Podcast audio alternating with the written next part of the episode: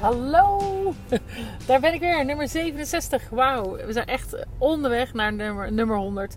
Moet ik nog eens even over nadenken wat ik daarvan ga maken. Maar goed, ik heb nog wel een aantal weken om daarover na te denken. Want gemiddeld is mijn, uh, um, mijn regelmaat van podcast eigenlijk zo'n beetje één keer in de week. En dat bevalt me heel goed. Soms denk ik, goh, wat heb ik nou eigenlijk wel te vertellen? Heb ik eigenlijk wel iets te vertellen? En um, dan, dan vraag ik zo eens inspiratie om me heen. Van god, waar zou jij nou denken dat ik over kan lullen? en uh, vandaag deed ik dat bij onze Tim. Een van, uh, van onze hartstikke leuke nieuwe aanwinsten. Die uh, in ons horecabedrijf, de social media en onze computer helppersoon is. En dat is echt super fijn. Maar goed, toen noemde hij, ja, um, kan je niet, vind jij niet iets van de huidige situatie qua vakanties, personeelstekort, uh, gedoe, um, ja, de excessen op de arbeidsmarkt en, in de wereld. Um, nou ja, natuurlijk. Ik vind overal wat van. Ik kan overal over kletsen. En ik heb op alles een misschien niet uh, gebruikelijke kijk. Um, alhoewel, er zijn volgens mij best wel veel mensen die, die ook anders kijken naar problemen dan de mainstream. Um, want daar, dus ik dacht ineens, ja, ook, ja, mooi, daar kan ik iets over, uh, daar kan ik iets over kwijt. Want natuurlijk zit ik ook, net als iedereen, um, op alle vlakken in personeelstekort, uh, problemen, vertragingen van leveranciers, omdat de oorlog er is of omdat uh, er geen personeel is. Um, we mopperen over hoe het allemaal anders is en vroeger was het toch. Ja, ik kan het niet eens helemaal reproduceren, omdat uh, ja, het echt ja, langs me heen gaat. En dat klinkt gelijk heel anders dan hoe de werkelijkheid is. Het is niet zo dat ik niks uh, doe met uh, of niks ervaar van, van alle ellende die er op sommige plekken in de wereld is. En ook dat we het in Nederland moeilijk hebben. qua ja, toch wel, ja, vooral op de arbeidsmarkt natuurlijk, maar ook mensen zijn natuurlijk ook hartstikke bang voor een nieuwe uh, recessie slash crisis. misschien is het hetzelfde woord, whatever. In ieder geval, mensen zijn bang. Dat is denk ik de samenvatting van wat ik heel erg merk. En eerst waren mensen bang voor corona.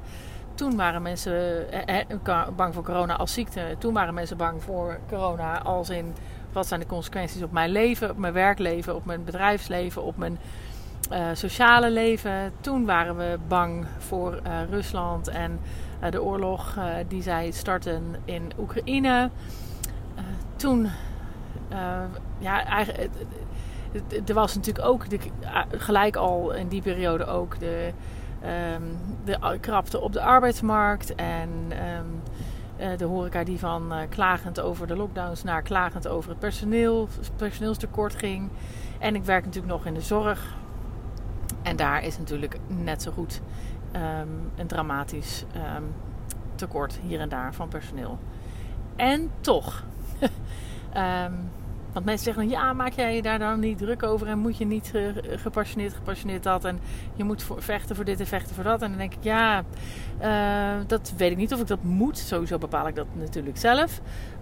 Maar ook, wat levert dat gevecht je nou precies op?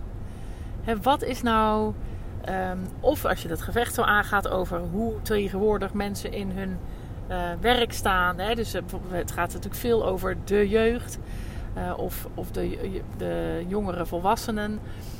Um, die, ja, generatie I worden ze genoemd, denk ik, die van vrijheid houdt en van, en van diepgang en van, van waarde willen zijn in hun werk.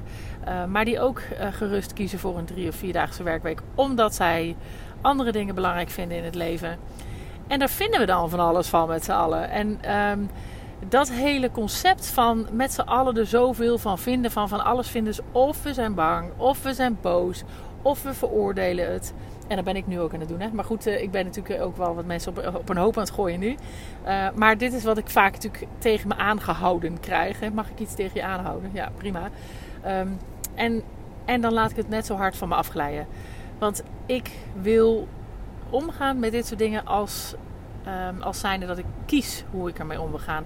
Ik kies ervoor om de wereld anders te zien.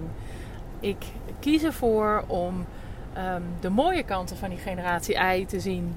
En ik kies ervoor om, om daarin te zien van... Goh, dit is dus een generatie die wellicht veel beter voor zichzelf kan zorgen dan wij konden. Dit is een generatie die je dus moet boeien en binden met andere dingen dan ehm, veel werken, hard werken, over je grenzen gaan um, en erbij horen op die manier. Dit is juist, en als ik dan kijk naar onze uh, core business, um, als je het hebt over onze bedrijven, gaat vooral over die diepgang en het verhaal vertellen. Dus ik zie dan de kans in de match met ons.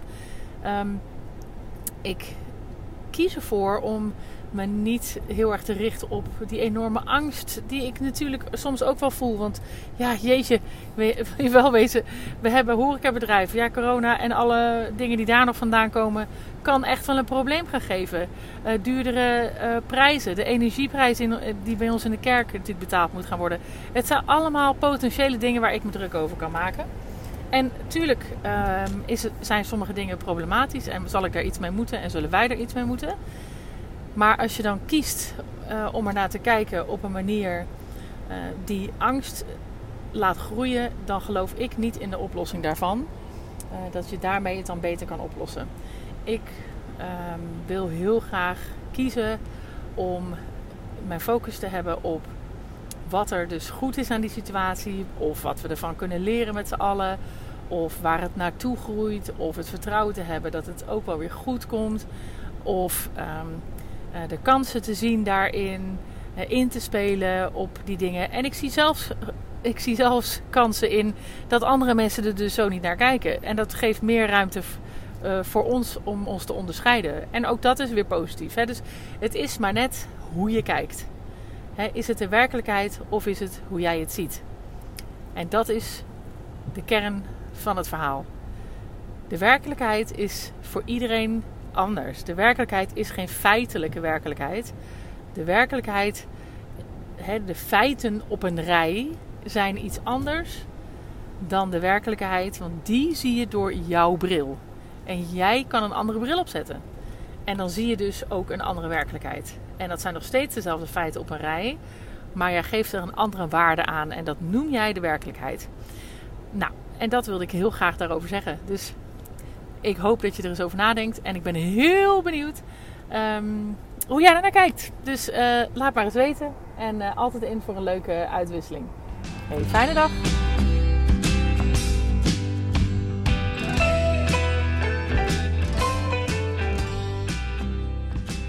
Lieve mensen, dat was hem weer.